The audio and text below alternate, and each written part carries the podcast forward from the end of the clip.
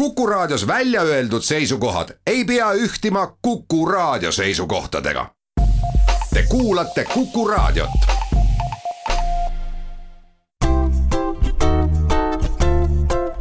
patsiendiminutid, Patsiendiminutid toob teieni Eesti Patsientide Liit. tere, head Kuku kuulajad. patsiendiminutid on taas eetris ja mina olen Kadri Tammepuu kõrgemad nakatumisnäitajad panevad meid võib-olla taas kukalt kratsima, et kas õnnestuks midagi Covid-19 puhul sügiseks paremini ette valmistada. põhiliselt siis sellel põhjusel, et haiglad ei peaks piirama patsientide plaanilist ravi räägime täna, milliseid teadmisi ja kogemusi on Covid-19 vastane vaktsineerimine teadlastele toonud ja meil on stuudios Tartu Ülikooli rakubioloogia professor Toivo Maimets, tervist! Tere päevast! augusti alguse seisuga on Eestis osaliselt vaktsineeritud nüüd pool rahvastikust. mis te arvate, kas ähm, see on piisav hulk, on seda vähe või palju? no seda on ikka pigem vähe, seda on pigem vähe, me saaksime palju paremini, meil on tehniliselt võimalik paremini saada, meil on ausalt öeldes sajad tuhanded doosid vaktsiini, mis on süstimata, me oleme minu teada umbes kahekümnendal kohal praegu vaktsineerituse poolest Euroopa Liidus, meie võimed, meie taust ja, ja kõik muud asjad lubaksid palju paremaid tulemusi. no ja lisaks, kui vaadata, mida inimesed ütlevad, siis vähemalt seitsekümmend seitse protsenti nendest, et nad oleksid valmis ennast vaktsineerima. mis te arvate, mille pärast need käärid meil Eestis täna on, on see ainult suvepuhkuste teema? No see teema hakkas peale ikka juba kevadel ja, ja suvepuhkuste peale on seda ikka väga raske ajada. tegelikult ma olin siin mõni kuu tagasi juba kevadel ka kriitiline oma, oma avaldustes, ma ütlesin, et meil ei ole mitte vaktsiini probleem, vaid meil on logistika ja hariduse probleem. ja ma jään selle mõne kuu takka öeldud ütlemise juurde täpselt samamoodi, meil on olemas vaktsiinid, mida suur osa maailmast ainult unistada võib väga korralikud, väga efektiivsed, väga hästi töötavad vaktsiinid, me ei ole suutnud neid inimesteni toimetada ja, ja minu arust on see suur probleem. kui veel lisada nüüd siia poolele rahvastikule, kes on vähemalt alustanud vaktsineerimist, ka need Covid läbi põdenud, et ähm, siis äh, neid inimesi on veelgi rohkem, kellel peaks olema teatud kaitse Covidi vastu. aga mida teadlased on tänaseks välja selgitanud, äh, kui me räägime nendest äh, antikehadest, mis kaitsevad raske haigestumise vastu, kui kaua nad umbes organismis püsivad? No esimene asi, mis on tänaseks selgelt välja selgitatud, üle kolme miljardi vaktsiini, tublisti üle kolme miljardi on maailmas süstitud. Ja me teame seda, et vaktsiinid on efektiivsed, vaktsiinid on kõrvalnähtudega, nii nagu suvaline ravim või suvaline vaktsiin, aga neid kõrvalnähte on väga-väga vähe, üks kuni viis saja tuhande kohta. Ja meie arstid on väga kiiresti õppinud, mida teha ka nende kõrvalnähtude puhul niimoodi, et, et inimesele see väga hullusti eh, ei mõju. Me näeme nii Eesti andmetest kui ka ülemaailmsetest andmetest, et täna haiglasse sattujatest eh, tublisti üle üheksakümne protsendi on vaktsineerimata ja viimastel paaril kuul, juuli-august vähemalt Eestis mitte üks intensiivi sattunud inimene ei olnud vaktsineeritud. nii et minu arust esimene, mida me oleme, mida me lootsime, kui vaktsiinid välja tulid detsembris äh, eelmisel aastal äh, ja, ja tõepoolest äh, kliinilised uuringud seda näitasid, et võiks ju loota ja uskuda, efektiivsus on kõrge, nüüd me teame, et efektiivsus on kõrge, ohutu ja vaktsiinid töötavad hästi Nad töötavad hästi, aga tundub, et kohati oodatakse, et nad töötaksid absoluutselt. aga ega seda ei ole keegi kunagi algusest saati väitnud, väitnud, et vaktsiinid töötavad sada protsenti. mäletate, kui tulid Pfizer, Moderna vaktsiinid välja, üheksakümmend kaks protsenti. üheksakümmend kaks on tohutu kõrge protsent tegelikult Maailma Terviseorganisatsioon paljude teiste haiguste puhul ütleb et, et viiekümneprotsendiliselt töötavad vaktsiinid on juba, on juba head. Need juba aitavad populatsiooni suurtest haigustest ära hoida, üheksakümmend kaks protsenti, super, aga see tähendab ju, et kaheksa protsenti ikkagi säilitavad äh, nakatumisvõime. loomulikult, seda on algusest saati öeldud, vaktsineerimine aitab tohutu hästi, aga mitte sajaprotsendiliselt mille poolest äh, haigestumise pilt või haiguse pilt siis erineb äh, vaktsineeritud või vaktsineerimata inimesel? no üldreegel on see, et jaa, kui vaktsineeritud inimene ka nakatub ja nagu ma ütlesin, seda, seda juhtub kümme korda harvemini kui, kui vaktsineerimata inimesel, siis haiguse kulg on oluliselt kergem, tihti on see asümptomaatiline, niimoodi, et inimene ise ei teagi ja kuidagi juhuslikult võib-olla mingi muu haigla külastuse tõttu, tervishoiuasutuse külastuse tõttu tehakse test ja leitakse, et vaadake, teil on viirus positiivne ehk äh, niimoodi öeldaksegi, et kui see üheksakümmend kaks protsenti, mis ütleme, Pfizeril on efektiivsus äh, haiguse ärahoidmisel, siis raske haiguse ärahoidmisel, hospitaliseerimisel ja eelkõige intensiivravi vajava haiguse ärahoidmisel on see praktiliselt sada protsenti. Vaktsineerimises kõhklejad mõnikord äh, küsivad nii, et no aga milleks ma siis peaksin ikkagi nüüd vaktsineerima, kui ma olen kindel, et minuga ei juhtu midagi, ma olen noor ja terve inimene, aga viirust ma kannan ikkagi edasi, ehk et oma vanaema haigestumist ma sellega ära ei hoia no ega vaktsineerimisega ongi niimoodi, et mida rohkem on inimesed vaktsineeritud, seda vähem on viirusel võimalik populatsioonis ringi käia, paljuneda ja mis väga tähtis, muteeruda. ehk mida rohkem meil sagib seda viirust inimeste seas ringi, seda rohkem tekib meil veel delta, gamma, mis iganes kreeka tähestikust tähti meil veel on, uusi variante vaktsineerimine tõmbab tohutult maha viiruse leviku tempo, viiruse paljunemise tempo ja viirus muteerub ainult paljunemise käigus viroloog Andres Merits on rääkinud, et kui viirus äh, muutub, siis on nagu kaks teed põhimõtteliselt, kas ta muutub ohutumaks ja kiiremini levivaks või muutub selliseks, et petta siis oma peremees organismi ära, et äh, ründab ootamatult äkki ja tapab või paljuneb hästi äh, kiiresti. kuidas teile tundub, kas me juba saame öelda, kuhu poole see koroonaviiruse muteerumine läheb? Ega äh, koroonaviiruse muteerumine ei erine teistest looduses esinevatest muteerumistest mitte mingil määral.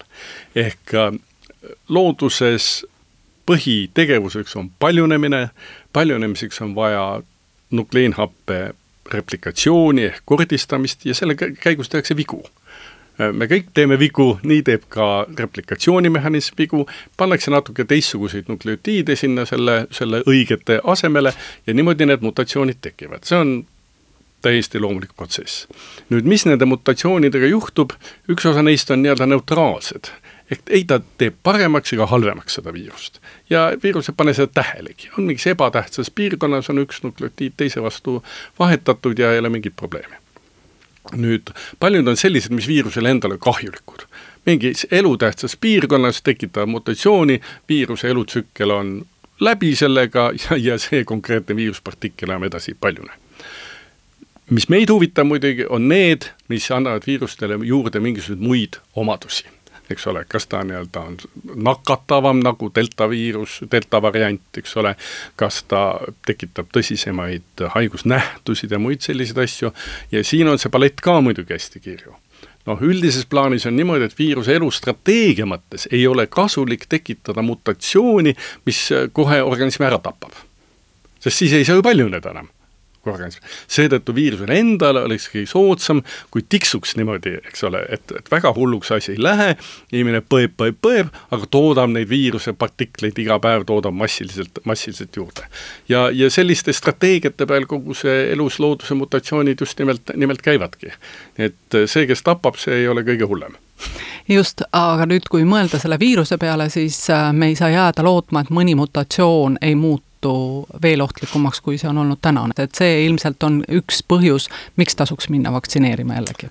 No päris kindlasti, igal juhul igasugune mutatsioon, igasugune mutatsioonide keskkonnas liikumine on risk. Ja just sellepärast, et tekivad agressiivsed mutatsioonid, tekivad hoopistüki teistsuguste sümptomitega, mida me täna ei tea, ei tunne, ei oska midagi ette võtta, seetõttu minu see põhitees on äh, tuleb viiruse paljunemine nii maha võtta populatsioonis, kui vähegi saab. selleks on tegelikult kaks võimalust, on kuueteistkümnenda, seitsmeteistkümnenda sajandi võimalus, läheme kõik isolatsiooni kuskile maamõisa ja ärme kellegagi kohtu, või kahekümne esimese sajandi võimalus, äh, kasutame vaktsiine, mis on tänaseks olemas, välja töötatud, efektiivsed ja, ja tõesti head. Läheme siit nüüd pausile. patsiendiminutid patsiendiminutid toob teieni Eesti Patsientide Liit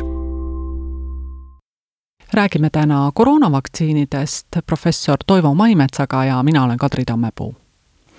üks, äh, mida vaktsiinidele ette heidetakse nende poolt siis, kes kahtlevad vaktsiinides, on see, et äh, kuidas need vaktsiinid ikka nüüd nii kiiresti valmis said ja millised on nende kaugmõjud?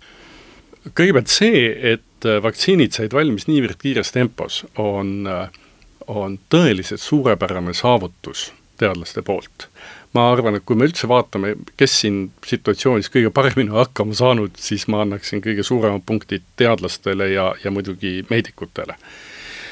see, et ta kiiresti valmis on tehtud, ei ole päris õige siin on muidugi erinevad tehnoloogiad kasutusel, paljudel juhtudel võeti juba olemasolevad tehnoloogiad, näiteks nagu AstraZeneca adenoviiruse tehnoloogia, adenoviiruse peal on tehtud terve hulk igasuguseid nii vaktsiine kui ka, kui ka geeniravimeid, Pfizeri ja Moderna mRNA tehnoloogia on tõepoolest esimest korda, kui inimesel on vaktsiinis kasutatud seda tehnoloogiat, aga seda tehnoloogiat on välja töötatud kakskümmend aastat kakskümmend aastat on seda välja töötatud, seda katsuti ebola peale töötada välja, teiste haiguste peale ja kogu aeg juhtus see, et haigus kadus ära ja seetõttu kellelgi ei olnud huvi finantseerida neid ikkagi väga kalleid uuringuid ja selle tõttu see tiksus niimoodi sellises aeglases tempos. nüüd järsku tekkis väga suur vajadus. kõik riigid vaatasid, et kuulge, kui me nüüd ei pane vaktsiini väljatöötamisse raha, jääb meie majandus seisma ja meil seda raha ei tule mitte kuskilt. ja pigem finantseerime neid uuringuid, kliinilisi uuringuid lõppfaasini välja, et me saame ühe töötava asja. ja täpselt see asi juhtus. kakskümmend aastat oli töötatud selleks, et nüüd aastaga võtta see kroon vastu ja ka võiduka lõpuni saada. ei ole kiirustatud, ei ole üle otsa lastud, kõik kliinilised uuringud on läbi vaadatud nii Euroopa Ravimiametis, Ameerika vastavas toidu- ja, ja ravimiametis, kuskil järeleandmisi kvaliteedis tehtud ei ole, on terve rida vaktsiine, mis ei ole heakskiitu saanud, noh, mitte ainult Sputnik, vaid ka mitmed valgupõhised vaktsiinid ja muud asjad. Ja seal on põhjuseks just nimelt see, et ei ole piisavalt selgeid andmeid, mis läheksid väga nõudlikest regulaatorite uuringutest, regulaatorite kontrolliprotsessidest läbi. Need, mis on läbi läinud, need töötavad kui minu käest küsis hiljuti üks äh, vaktsiinis kahtleja, et äh, miks mina ennast vaktsineerisin, siis ma pidin ikkagi neid põhjuseid enda jaoks ritta panema ja ja toona sain ma aru, et minu jaoks kõige tähtsam põhjus oli hoopiski kogukondlik eetika ehk see hapramate kaitse. ma tegelikult ju ei tea, kellega ma päris täpselt äh, igapäevases elus kokku saan ja palju on nüüd neid inimesi, kes jäävad vaktsineerimata sellepärast, et tervis ei luba panna kaalukausile see, et, et kaitsta teisi või, või olla kindel, et minul on hea, et no kumma teie valiksite? No ma olen valinud juba, juba selle, et ma olen vaktsineeritud ja juba, juba päris tükk aega ja ja, ja AstraZenecaga. loomulikult, me teame, et eriti arvestades nüüd uut seda delta varianti ka, meil oleks vaja populatsiooni sellise immuunsuse saavutamiseks ikkagi umbes seitsekümmend, kaheksakümmend protsenti immuunsust saavutada, kas siis vaktsineerimisega või siis läbipõdemisega ja see on päris kõrge protsent, miks? sest punkt üks täna ikkagi kuni kaheteistaastaste laste jaoks ei ole vaktsiini olemas, sealt läheb juba terve, terve hulk, hulk maha ja punkt kaks, tõepoolest on terve rida inimesi, kellel on vastunäidustatud vaktsineerimine. näiteks on immuunsüsteemi häired, on tõsiseid probleeme, kasutavad immuunsupressante, no kasvajate ravi puhul öö, organite transplantatsiooni puhul ja kõige muu puhul. nüüd nemad ei saa vaktsineerida meie oleme täiesti terved inimesed, meie saame vaktsineerida. meie esimene mõte peaks olema täpselt see, et, et meie moodustame selle seitse-kaheksakümmend protsenti populatsiooni immuunsuse, viirus kaob ühiskonnast ära ja me oleme kaitsnud ka neid inimesi, kes tõesti mingi päris põhjusel ei saa vaktsineerida samas öeldakse meile, et viirus ju päris ära ei kao, et um, kuidas me sellest siis üle saame, et um, koroonaviirus tõenäoliselt jääb no ega viirus, ilma viirusteta me ei saa mitte kunagi elatud. küsimus on taas selles, kui palju me lubame tal ringi möllata, kui palju me lubame tal paljuneda, kui palju me lubame tal muteeruda, kui palju me lubame tal iga päev jälle mingeid uusi üllatusi meie jaoks välja mõelda või me hoiame teda seal kaane all tasakesi, jah, kui ta nakatab, siis need sümptomid on üsna nohuköha sümptomid ja, ja me saame rahulikult sellega edasi elada loomulikult ma ei väida, et, et äh, SARS-2 oleks viimane viirus maailmas. Neid on teisi, mis käivad ringi ja neid tuleb veel ja tõenäoliselt enamus viirusi, mis maailmas olemas on, on meile tundmatud. sest me hakkame viirust uurima alles siis, kui ta mingit tõsist probleemi tekitab eks ole, sellised süütud viirused, neid on, neid on nii tohutu palju ja keegi ei jõua neid uurida. noh, ma vihjasin, et need uurimistööd on väga kallid ja kui on ikka mingi viirus, mis kahju ei tee, mis sa, mis sa temast ikka akadeemilisest uudishimust äh, uurid. me kaitseme ennast, nagu paavst ütles, kui ta jaanuaris süsti sai. ütles kõigile kiriku liikmetele, palun süstige ennast, et kaitsta ennast ja kaitsta teisi teine põhjus, äh, mida on vaja võib-olla ühiskonnas arendada, on seesama hariduslik äh, teema. kuidas te hindate näiteks, kui me vaatame neid äh, laste ja noorte koolikavasid, kui te nendest midagi teate, et kas bioloogia või ka, või ka näiteks matemaatilise statistika teadmisi võiks seal rohkem pakkuda või kas see on üldse realistlik? Ma olen selle peale palju mõelnud, ma olen äh, nii-öelda õpetamisega tegelenud kogu oma eluaja, kui ma sel, sel aastal, kui ma ülikooli lõpetasin, hakkasin ma tudengeid õpetama ja, ja, ja siiamaale õpetan, see on tublisti äh, nüüd juba üle, üle neljakümne aasta. Ja, ja ka laiemas mõttes teaduse, hariduse alal ma olen, ma olen aktiivne olnud. Ja, ja see vastus teie küsimustele on see, et mulle tundub, et meie õppekavades ja meie õpilaste peades on neid teadmisi päris hästi. kui lähed ja küsid nad teavad. ja mitte ainult õpilaste, vaid ka meie ülejäänud inimeste peas. aga me ei ela teadust. me tegelikult ei, ei ela nende teadmiste sees, vaid need teadmised istuvad meil justkui nagu kõrval. Nende teadmistele lisaks on meil veel terve hulk igasuguseid kõige vaimustavamaid lapikumaa teooriaid ja, ja vaktsineerimise vastaseid teooriaid ja saba kasvamise teooriaid ja kõiki neid muid asju ka no õpetajad olid ühed esimesed, kellele anti võimalus äh, massiliselt vaktsineerida, eks ole, vaktsiinid olid defitsiit veel ja mina mõtlesin, et õpetajad lähevad kõik vaktsineerima nüüd, loomulikult. ei lähe. ja, ja miks nad ei lähe, mitte sellepärast, et neil, et neil teadmisi ei oleks. loodusteaduste õpetajad, bioloogiaõpetajad olid sealhulgas ka, neil olid need teadmised olemas, eks ole. aga nad ei elanud nende teadmistega. ma tekkisin kiuslik küsimus, aga mida nad siis koolis õpetavad tegelikult ega me vist täpselt ei tea, mida nad koolis õpetavad. tundub, et me peaksime vaatama natuke täpsemalt, jah. aga ma arvan, et kui nüüd vaadata positiivsest küljest seda, siis tegelikult äh, selline tõsine kriis, nagu see haigus praegu on olnud, ongi toonud palju kohti välja, mis meil on tegelikult problemaatilised me arvame, et kõik on väga hästi, me oleme e-riik, meil kõik digisüsteemid, kõik asjad töötavad, me oleme üldse usume et oleme hästi toredad ja saame kõigega hakkama.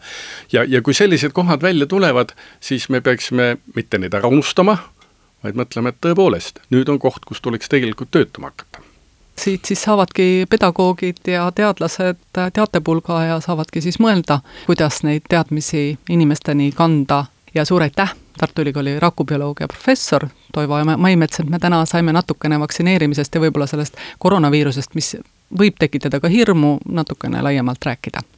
aitäh! ja täname ka kõiki kuulajaid, oleme taas eetris nädala pärast ja seniks püsigem terved! patsiendiminutid.